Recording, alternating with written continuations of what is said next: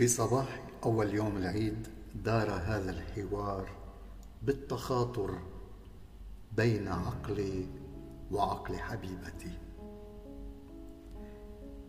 فقلت لها في صباح هذا اليوم المبارك أحاول جاهدا أن أكون بلا إحساس بلا إحساس بالوقت وبالانتظار بلا إحساس أنني أفتقدك إلى حد الجنون ولا استطيع شيئا. إن أصعب شيء في الحياة هو الانتظار ومرور الوقت بلا هدف. لكنني يا حبيبتي سأنتظرك.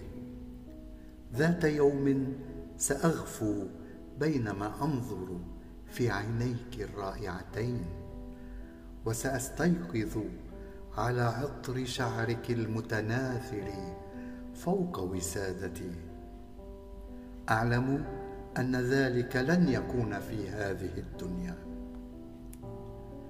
فأجابتني وقالت لي تماديت بأحلامك ونسيت أن القدر مكتوب. وأننا في هذه الدنيا سنشرب أنخابنا لكن كل في كوب. استيقظ استيقظ يا صديقي. هلأ بيقولوا عنك مجذوب. فاستيقظت ونظرت إلى وسادتي الفارغة من كل شيء.